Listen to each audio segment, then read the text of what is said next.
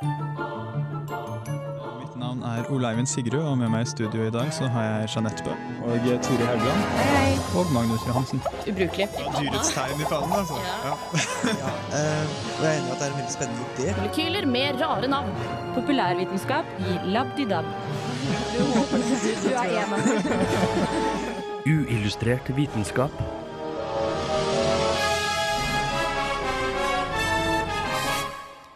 Sitter du med et skippertak på lesesalen og lurer på om hjernen din noen gang kan bli full? Eller om du kanskje kan lese eksamen i to fag samtidig? Kanskje lurer du også på om det kan hjelpe med litt hjernetrim på nett? I ukas utgave av Uillustrert vitenskap vil vi kunne gi deg svaret på det her. Vi vil også kunne fortelle deg litt om 3D-printere og mennesker helt fri for fordommer.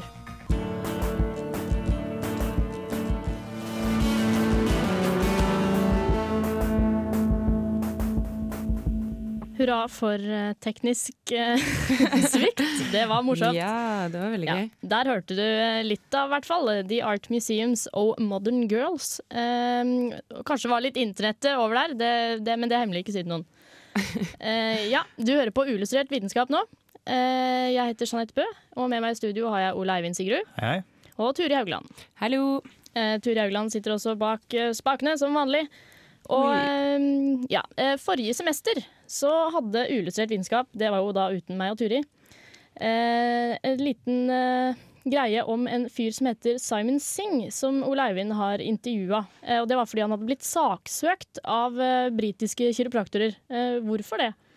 Nei, uh han reagerte jo da på at kiropraktorer behandlet eh, spedbarn mot kolikk. Eh, og eh, de hevdet også at de kunne behandle astma og en haug med slike ting. Eh, og da skrev han en eh, kritisk avisartikkel, da, eh, der han skrev, eller ja, dreide ut at eh, dette har jo rett og slett ikke noe bevis bak seg, og dette her burde de slutte med. Eh, og det likte ikke, da, så de saksøkte ham. Så kiropraktorer er eh, rett og slett litt som kvakksalvere, er det det Ja. vi mener? Eh, ja, eh, eller de det, det er jo forskjellige camper da, innen eh, kiropraktikk, og det fins de som er sånn nei, vi behandler kun, eh, kun rygg, og det er på en måte det. Ok, Greit nok. Eh, men så er det de som hevder at de kan kurere alt mulig rart ved å behandle ryggen. Men det her er ikke så ille i Norge som utenfor Norge, er det vel? Kiropraktere har vel mer sånn respekt her, her i landet? Det er faktisk litt vanskelig å vite. Man har jo inntrykk i av at de aller, aller fleste, om ikke alle, er eh, ganske streite og eh, stort sett kun behandler rygg. Eller driver med fysioterapi og slikt. Eh, men eh, eh, det går historier om eh, folk som har eh, ringt til norske kiropraktorer og eh, eh, ja, hørt at de eh, kunne da gjerne behandle andre ting òg. og det er jo ingen utdanningssteder i Norge eh, eh, for kiropraktorer. Så de tar utdannelsen i utlandet, og da vet man jo ikke helt hva de lærer der.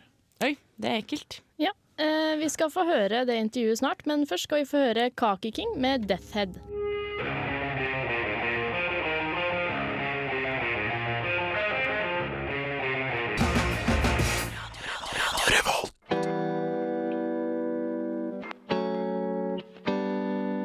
Simon Singh har fått mye oppmerksomhet i britisk presse det siste året etter han ble saksøkt av The British Chiropractic Association.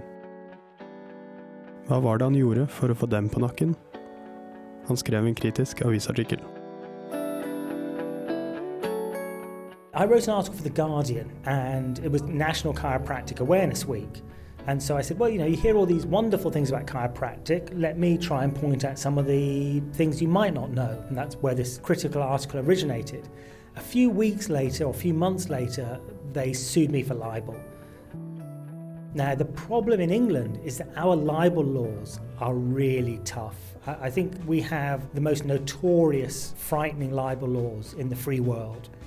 For example, anybody can bring a libel suit with, with no real difficulty.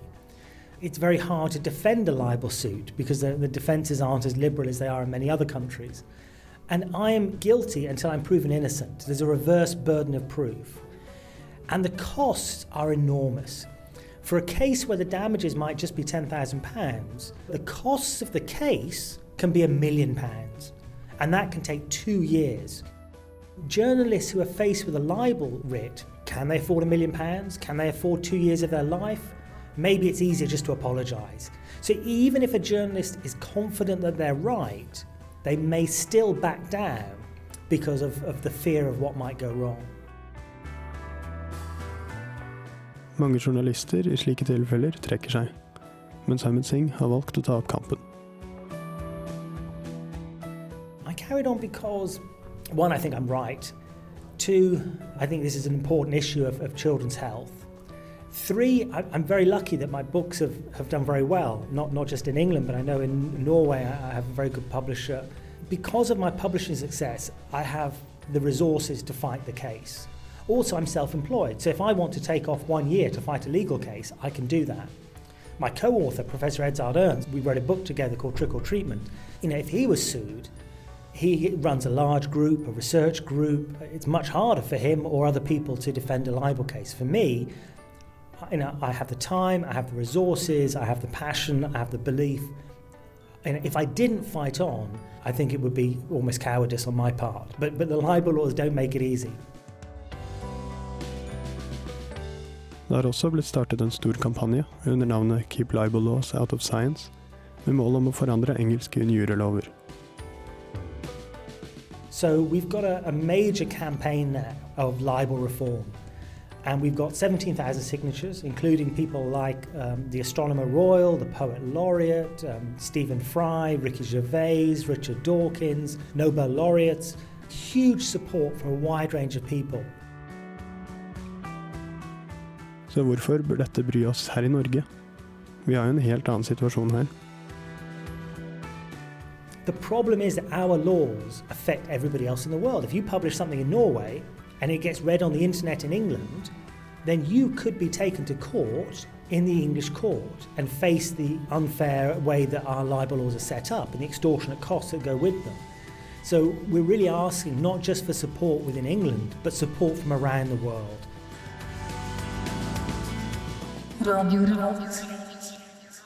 Ja, det var et intervju gjort av en litt forkjøla Ole Eivind eh, Sigrud. Eh, vi kan bli saksøkt i England for ting vi gjør på nettet her. Det syns jeg var litt eh, spennende. Men altså, den, det intervjuet her, hvorfor er det her interessant nå?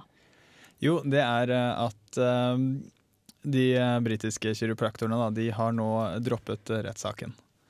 Eh, og eh, rettssaken den var eh, ganske spesiell, da, fordi den avisartikkelen han skrev, da, dreide jo ut om uh, undersøkelser som ble gjort, og hvilke bevis er det man har. Uh, det har man ikke noe særlig av. Og så uh, konkluderte han at derfor er jo det bare tull. Men så var det da Måten han ola seg på, var at han skrev at kiropraktorene 'happily promoted bogus treatments'. Ja. Og Så da, da det ble en rettssak, da, så vedtok dommeren at det betydde at kiropraktorene visste at det ikke funket, men gjorde det likevel. Eh, til tross for å vite bedre. Eh, at de rett og slett var kyniske. Eh, og Så da måtte plutselig Simon Singh bevise at kiropraktorene gjorde dette med vilje. Oh, ja. Eh, og det var jo aldri noe han mente. Eh, men så, jeg tror det var i sånn juletider, så fikk han lov til å anke definisjonen. Da. Eh, og da den nye dommeren eh, slo fast at eh, nei, det eneste han mente var at disse tingene funker ikke, og kiropraktorene holder på med det. Eh, og etter det så hadde jo ikke eh, kiropraktorene noe sak, Nei. så da droppet de den. Nei. Og nå prøver de å roe seg unna. Eh, Men dette her er jo ikke bare greit, fordi dette her eh, tok jo, den saken varte jo i to år. Og eh, kostet Simon Singh over 100 000 pund, altså over en million kroner. Eh, Så nå blir det jo et spørsmål om hvor mye han får dekket av kiropraktoren. Eh, Så det blir jo også spennende. Ja. vi får eh, følge spente med. Ja. Men eh, nå tar vi og hører på Dark Throne med 'Those Treasures Will Never Befall You'.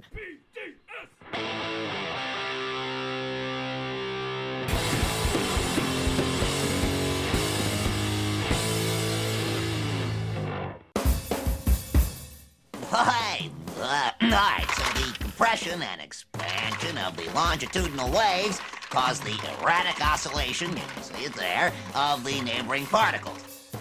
Uillustrert vitenskap. Uillustrert vitenskap presenterer Forskningsnytt.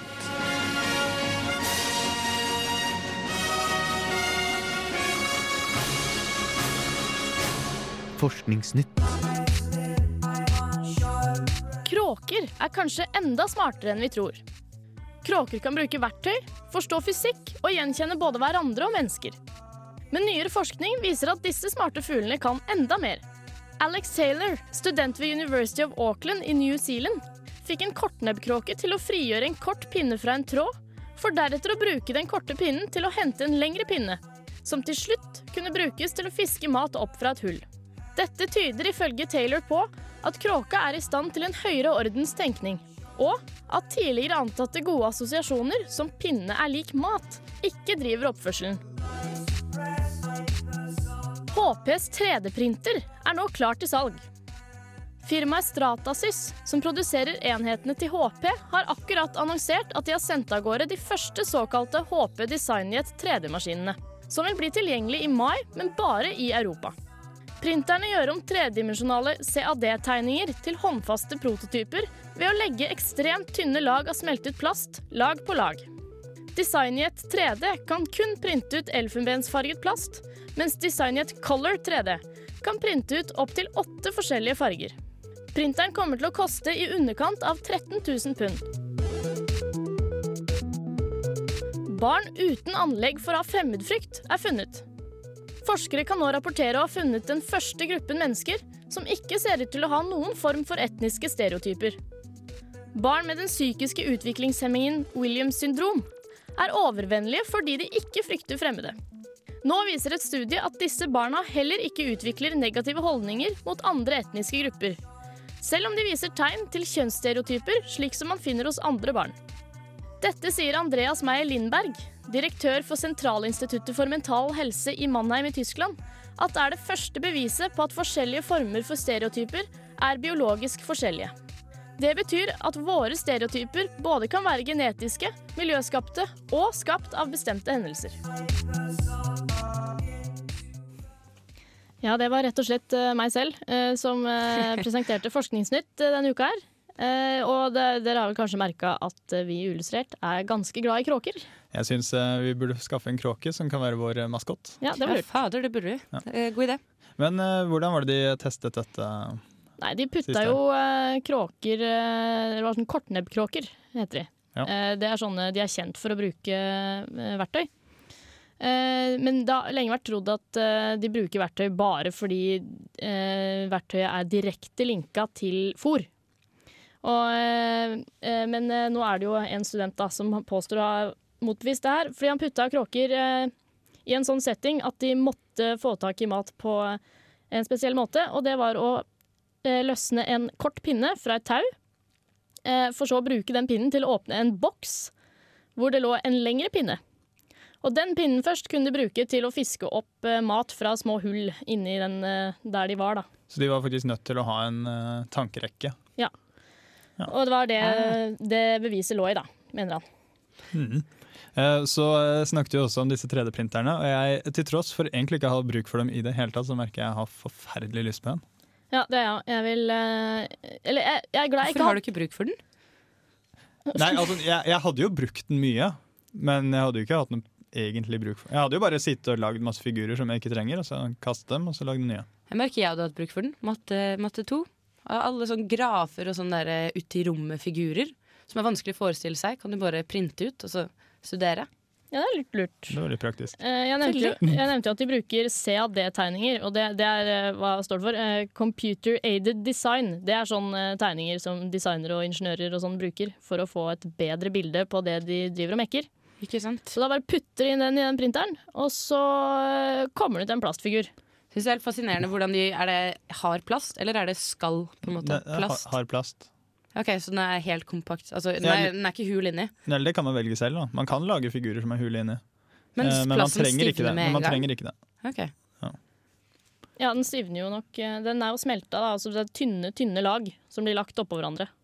Det er fascinerende at de får det til, egentlig. Og da, Denne her vil jo koste latterlig mye, men eh, for de av dere som eh, kun har maks 1000 dollar å bruke på dette, eh, så fins det en eh, sånn maskin man kan kjøpe. Den må du bygge selv, men funker med samme teknologi. Eh, Den heter Makerbot, og den kan dere se på nett. Så hvis du tror du greier å bygge en 3D-printer helt selv, så vær så god. Sett i gang, bruk 1000 dollar. Jeg regner jo med at Ekit kit er ganske greit å bygge. Kanskje? Ja, ja, hvis det er noen Ikea eh, Ja. ja. Det følger sikkert med en Umbraco-nøkkel. Ja det, det er bra. Mm. Men så var det disse øh, ungene da, som øh, ikke hadde fordommer. Ja. Det, de barna uten fordommer var jo eh, unger med, med Williams syndrom. Eh, det er en feil på det syvende kromosomet, så det blir en eh, funksjonshemming. Man kan se på de at eh, de har en funksjonshemming også. Og det her er jo utrolig snille, snille barn, viser det seg. Eh, fordi de ga eh, De hadde 20 barn uten syndromet og 20 barn med. Og så viste de de bilder, da. Og første forsøket var eh, av eh, bilder av jenter og gutter. Eh, og, så de bedt, og så fikk de noen oppgaver da, om å, om å si hvem av disse menneskene ville f.eks. lekt med dokker. Og der hadde begge typer barn eh, samme oppfatning om at det var eh, jentene som hadde lekt med dokker. Så der hadde de de samme stereotypene. Men så fikk de utdelt bilder av eh, mørkhuda mennesker og hvite mennesker. Og da var, fikk de høre historier om en snill gutt gikk på landeveien og redda en katt, og så var det slemme gutten kasta søle på Johan. Og så var det hvem, hvem av disse menneskene er den slemme, og hvem er den snille? Og de eh, ja, alle ungene med, som var med i forsøket, var jo eh, hvite europeere. Og de, eh, de uten syndromet de var raske med å konkludere med at det var, var den svarte mennesket som var slemme.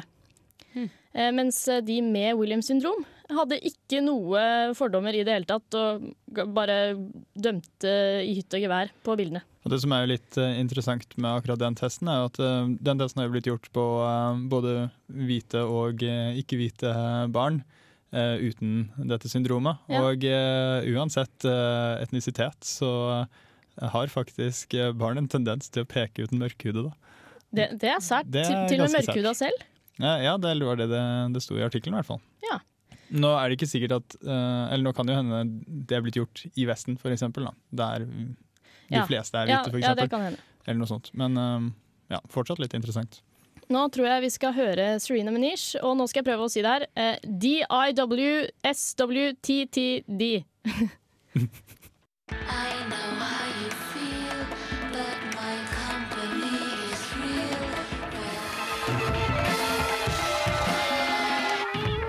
Du hører på Radio Revolt, studentradioen i Trondheim.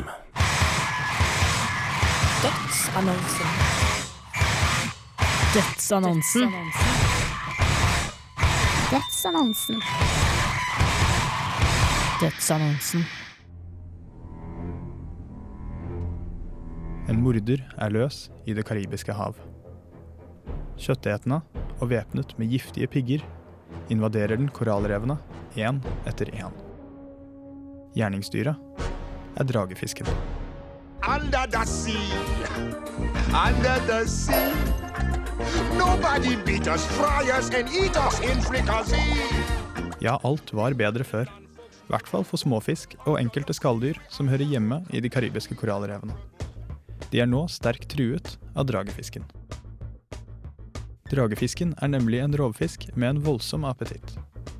I kontrollerte forsøk har de vist seg å kunne spise opptil 20 småfisk på 30 minutter. Og én enkelt dragefisk kan redusere antall andre fisk med 79% i løpet av kun fem uker. Da mange av fiskene de spiser er planteetende, er det nå fare for at balansen i korallrevene forskyves slik at tang kan vokse uhemmet. Dette vil skade økosystemet. Dragefiskene hører egentlig ikke hjemme i Det karibiske hav. De er opprinnelig fra Indo-Stillehavsregionen. Hvordan de kom dit, vet man ikke nøyaktig, men det er flere hypoteser. Dragefiskene er ettertraktet blant akvarister, og det kan tenkes at private samlere har sluppet dem ut i det frie. En annen mulighet er at de har blitt fraktet hit i skipsballast. Forskere undersøker nå hva som kan gjøres for å stoppe dem. De prøver også å forstå hvorfor de trives så godt i deres nye habitat. De er nemlig nokså sjeldne der de egentlig kommer fra. En av grunnene til at de er så vellykkede jegere i Karibien, er at de ikke oppfattes som fisk av de andre fiskene, og ser dermed ikke ut som en trussel. Fisk svømmer helt inn til dragefisken, og ender følgelig opp med å bli svelget hele. De har heller ingen naturlige fiender. Og rovfisk som hai og abbor ser ikke ut til å sette pris på de giftige piggene som følger med måltidet. I Stillehavet antar forskerne at dragefiskens utbredelse er begrenset av en parasitt, en sykdom eller en effektiv rovfisk. Dersom de finner ut hva den begrensende faktoren er, kan man kanskje innføre en tilsvarende fiende i Det karibiske hav. Forskerne har derimot større tro på at vi mennesker kan begrense dragefiskbestanden. De er nemlig lette å fange, og smaker visstnok svært godt. De kan til og med bli markedsført som en miljøbeskyttende rett. Forskerne kan også fortelle at en dragefiskkokebok er underveis. Det må jeg si eh, var en eh, god løsning på problemet. Lage en kokebok rett og slett for å eh, løse miljøkriser. Eh, Men nå er det store spørsmålet hva ville vi lagd kokebok for? Ja, for å For å bli kvitt. Ja, bli kvitt. Jeg syns det var en veldig god idé med dragefisken. Altså, den ser jo så morsom ut. Den har masse sånn spikes og sånn. Og så Mm. kan du på en måte bruke det til dekorasjon i måltidene og få ganske sånn eksklusive Kakepint. retter. Det er Ja. fint, eh, så lenge man da får fjernet giften, da. Eh, ja. Men Noen ja. ting, alpint skal man ikke spise, kan vi si. En, et dyr jeg gjerne ville spist, det er due. Uh, nå er det jo sånn at vi, man, man spiser jo faktisk eh, skogsdue og sånn. da. uh, nå vet jeg ikke helt hvor, uh, ja, hvor trygt det er å spise disse byduene, eh, og hvor godt de smaker, men eh, sånn ideelt, man burde spise mer due. Ja, jeg foreslår måke. Eh, også irriterende dyr. Ja, forferdelig irriterende Men er det noen som vet hva de smaker? Smaker det Men det blir jo ikke noe godt å spise. Er det ikke det? Sikkert ikke. Eh, Sånn duer er heller ikke så godt. Ja, vi har en i eh, radioen som eh, var med i Forsvaret, og han eh, har i hvert fall en fortelling om at på en av disse turene der de gikk lenge uten mat og alt det der, så, så grillet de due. Eh, nei, måke. Og eh, at den visstnok skulle smake kylling stekt i tran. Så det, det Mm. hørtes ikke sånn forferdelig godt ut. Huff a meg. Derimot eh, insekter eh, tror jeg vi kan eh, spise langt mer av. Eh, de spiser jo en del av det i Sør-Amerika. Og eh, i tillegg til å da kanskje bli kvitt en del insekter, så, eh, så er det jo også faktisk ganske miljøvennlig mat. Fordi det er veldig Ja, det krever veldig lite energi per mengde kjøtt. Da. Ja, jeg syns det er begrensa hvor mange insekter vi egentlig trenger òg, så jeg, jeg, jeg får den. Ja. Men eh, det, jeg vet ikke, jeg føler ikke det helt det er en eh, delikatesse å spise insekt. Nei, nei, det er mye eh, tilvenning. Mange kokebøker må ut på insekter før folk i Norge begynner å Det spise mye av det. Men liksom sånn istedenfor sånn eh, stekte solsikkefrø i salaten, så kan du ha litt sånn Stekt mygg. Litt sånn, ja, litt sånn eh, stekte småkryp, så gir det en sånn, litt sånn fin crunch eh, med litt sånn saltsmak. Det var en eh, god idé. Det, det jeg har tenkt å lage kokebok på Jeg begynner å skrive Oi, oi. i morgen kveld. Så begynner jeg å skrive en kokebok eh, på Kandis. Eh, Ja. Kjente koret på eh, Studentersamfunnet. Ja, de terroriserer meg på det er et- Facebook når jeg er lei. Det er et dyr det er for mange av. Ja. Uh, vil, Få det vil vekk. jeg si. uh, jeg ville faktisk lagd en kokebok med blekkspruter. Fordi jeg har hørt at det, det er naturlig finner av fisk, og vi spiser altfor mye fisk. Uh, og da blir det enklere for blekksprutene å presse ut fisken. Og fisk er godt, blekksprut er æsj, men det er mange som faktisk liker det. Så start å spise mer blekksprut, og slutt å spise fisk. Her er det vel snakk om da de tiarmede blekksprutene som invaderer øst, vestkysten av USA, da, antagelig. Så Ja. ikke sånn generelt. Nei, antakeligvis ikke. Jeg tror det gjelder rundt eh, Kina og Stillehavet. Litt sånn også. Men der spiser de jo mer fisk. Men eh, jeg vil heller ha fisk enn blekksprut, så spis blekksprut og utrydd de. Onde dyr. Riktig. Mens dere hjemme sitter og filosoferer over hva dere vil lage kokebok om, så kan vi høre Awesome Color med Vision.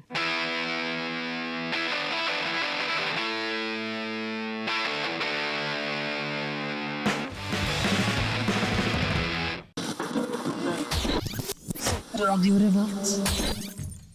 Yes, jeg har jo eh, Ja, du hører på Illustrert vitenskap hvis du har eh, falt ut. Eh, Men jeg har jo lovt litt snakk om hjerneprat til dere som sitter og gråter på lesesalen. Om multitasking og om hjernen blir full og sånn. Og det her har Turi forska litt på. Hva, hva fikk deg til å se på det? Nei, altså jeg leter jo alltid etter eh, forskning, eh, ny forskning, og det har kommet veldig mye forskjellig i det siste eh, innenfor eh, hva hjernen vår eh, kan egentlig gjøre. Og da tenkte jeg hvorfor ikke bare slå det her eh, sammen til en fantastisk eh, faktareportasje og sende den her. Ja, men eh, jeg tror vi bare kan høre den en gang. Chief Ray, what do you want to do tonight? Same thing we do every night, Pinky. Try to take over the world. Det er kanskje ikke pratet så mye om hjernen som man skulle tro under Harald Eias hjernevask. Hva det kommer av, har jeg ingen anelse om. For i løpet av 2010 har det kommet masse nytt rundt hjernen og dens mysterier. Vil du vite din egen hjernekapasitet?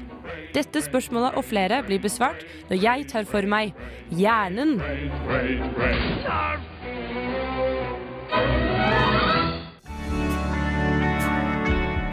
Spørsmål 1. Kan hjernen bli full? Hjernen består av milliarder av nevroner eller nerveceller. Hvert nevron danner igjen rundt 1000 forbindelser til andre nevroner. Kunne hvert nevron lagret et enkelt minne, ville hukommelsen vår hatt lagringskapasitet i likhet med en minnepinne. Men slik er ikke tilfellet. For nevronene samarbeider om lagring av minner. Det gjør at hjernekapasiteten vår øker eksponentielt. Det vil si at du og jeg har et lagringsminne på nærmere 2,5 petabytes. Det vil si 2,5 billiarder bytes. Altså 2,5 ganger 10 opphøyd i 15 bytes. Til sammenligning hadde hjernen din, hvis det fungerte som en opptaksspiller, kunne ta opp 3 millioner timer med TV. For å fylle opp denne kapasiteten måtte opptakeren stått på kontinuerlig i 300 år. Så nei, hjernen din kan ikke bli full. Spørsmål to. Hvor mye kan vi memorisere?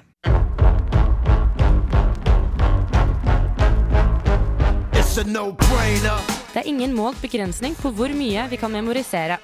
Chu Lu fra Kina slo verdensrekorden i 2005 og memoriserte 67 890 desimaler av pi. Ifølge forskning fra 1986 gjort av Thomas Launder vil gjennomsnittlig menneske memorisere 125 megabytes informasjon i løpet av livet. Dette tatt i betraktning av hvor fort vi tar opp og glemmer informasjon rundt oss.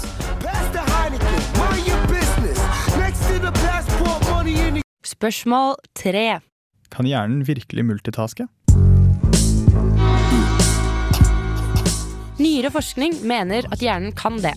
Hjernen klarer å holde orden på to ulike oppgaver samtidig, ifølge nye studier. En gruppe mennesker ble gitt to oppgaver. Først en de skulle gjøre, så den andre som de skulle gjøre samtidig som den første. Hjernen deres ble MRI-skannet under utføringen, og forskerne kom fram til at hjernen tok for seg begge oppgavene samtidig, tross for at personene i samme øyeblikk utførte én av de to oppgavene. Men begrensningen ligger antageligvis der. Menneskets organiseringsevne ligger i frontopolar cortex. Den gjør at vi kan forholde oss til to ting samtidig, ikke fler. Dette kan være grunnen til at mennesker responderer bra til ja- og nei-spørsmål. MRI-skannen viste at hjernen vår utfører multitasking ved å dele seg i to. Venstre og høyre halvdel. Så jobber de hver for seg om sin oppgave. Spørsmål fire. Kan man trene hjernen? Et nyere studie av 11.430 BBC-seere tilsier at vi dessverre ikke kan det. I hvert fall ikke ved hjelp av dataspill. Seerne fikk nemlig oppgave å spille et slags hjernesimulerende dataspill hver dag i seks uker. Testene som fulgte, viste at folkene ikke hadde blitt flinkere til å resonnere, huske, planlegge, regne eller bruke deres evner for rommelig forståelse i noen større grad enn personene som kun surfet på internett over samme periode. Forskerne bak prosjektet fra Medical Research Council og Alzheimer Society avskriver likevel ikke prosjektet, og mener at langtidsvirkningene kan være annerledes. Spørsmål fem. Hvorfor bryter folk løfter? Well, since my baby left me, well, I found a new place to dwell.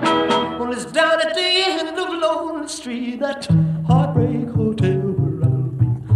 Dette er et kompleks nevrobiologisk fenomen. Du lover én ting i et øyeblikk, samtidig som du ikke mener det du sier. Eller bryter du kanskje løftet senere. Forskerne klarte under et studie av en gruppe mennesker å lese hvem som brøt løfter og ikke. En gjeng frivillige spilte et oppsatt spill der man var nødt til å lage avtaler med hverandre. Men ikke alle gjorde det de hadde lovet i spillet.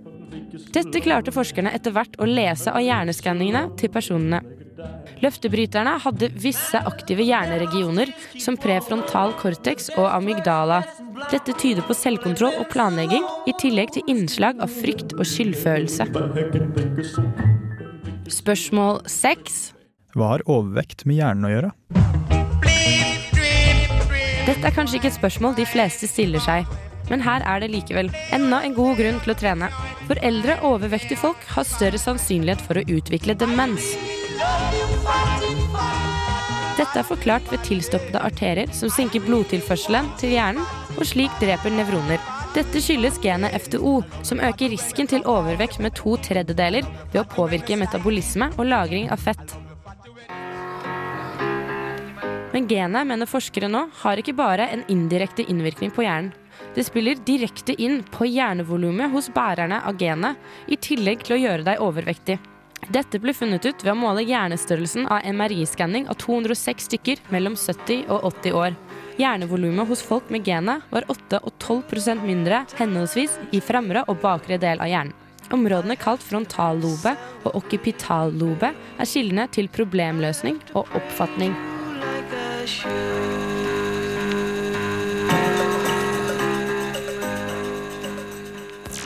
Vitenskap. Radio Revolt. This is Charles L. Bennett from Johns Hopkins University. Science, it works, bitches.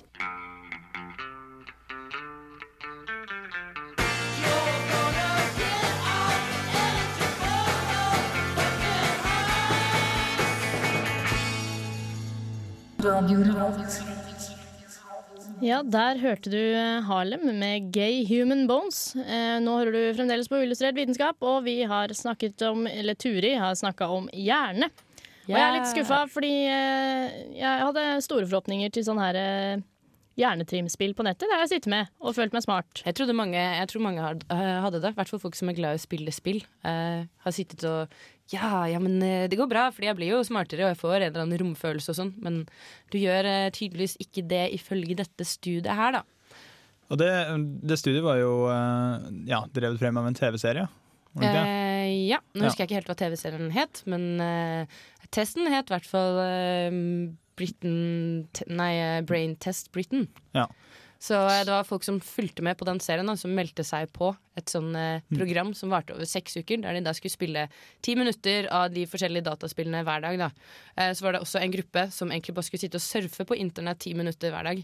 Så viste det seg jo da at eh, de som spilte spillet, eh, hadde jo ikke blitt noe smartere, og de hadde ikke fått trimmet hjernen sin da, i forhold til de som hadde surfet eh, på internettet. Mm. Eh, det er jo litt kjedelig, da. De hadde bare blitt flinkere i spillene. så Ja. Mens de andre hadde jo surfet nettet og dermed fått noe ut av det òg. ja, ikke sant. De hadde antageligvis eh, fått en del kunnskap, forhåpentligvis, og litt forskjellig. Så. Mm. Men det var jo veldig mange med i det studiet, så det gir det jo en ganske grei troverdighet, egentlig.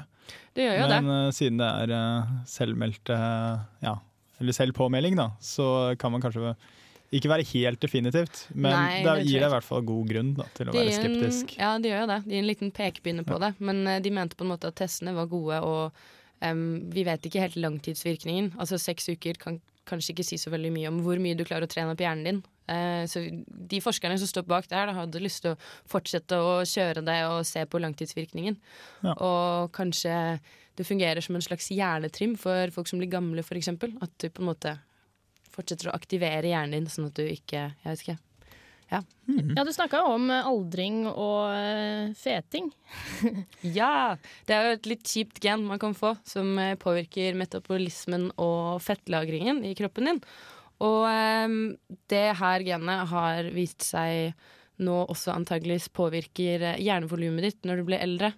Uh, man mente jo før at uh, genet på en måte gjorde deg tjukkere, og at du ble tjukkere gjorde at eh, blodene dine ble tettet igjen og senkte blodomløpet til eh, hjernen, og slik døde en del nerveceller. Ja. Men nå mener de at folk som, eh, de har testet en del folk som har dette genet, da, og funnet ut at eh, det påvirker også antageligvis direkte hjernevolumet ditt. Så eh, egentlig ganske kjipt gen å få, spør du meg. Du blir Eh, feitere og feitere, og hjernen blir mindre og mindre. ja, så tjukke folk som eh, ellers eh, har mest, eh, større sannsynlighet for eh, demens og eh, hukommelsestap og slike ting. Eh, også fordi de får en eh, mindre hjerne. Det var en ufattelig trist nyhet. Det var det. Eh, ikke en god dag for eh, overvektige. Eh, og i tillegg, hvis du har genet, så er det jo to tredjedels sjanse eh, større sannsynlighet for at du blir tjukk. Du nevnte jo at det ikke går an å multitaske. Eh, mer enn to ting, da. Eh, det gjorde jeg i går. Jeg så på TV, spiste mat og skrev radiosak samtidig.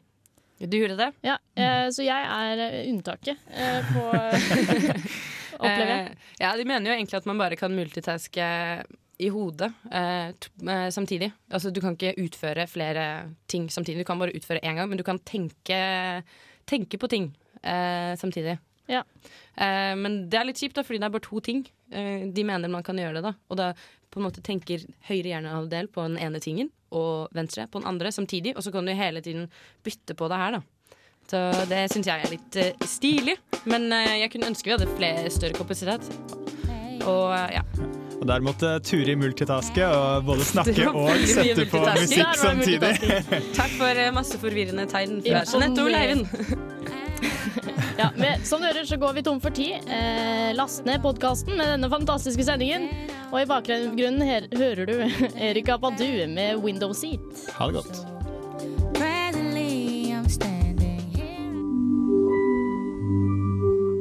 Uillustrert vitenskap er Midt-Norges eneste teknologimagasin på lokalradio. Og vi snakker om alt fra populærvitenskap til sære forskningsprosjekt ved NTNU. Radio Revolt, studentradioen i Trondheim, er stolt av å kunne presentere podkaster fra de aller mest populære programmene våre. Hvis du har lyst til å høre mer fra Radio Revolt, hvem vi er og hva slags musikk vi spiller, så kan du høre oss på FM-båndet i Trondheimsregionen, eller streame sendingene våre live på radiorevolt.no. Thank you.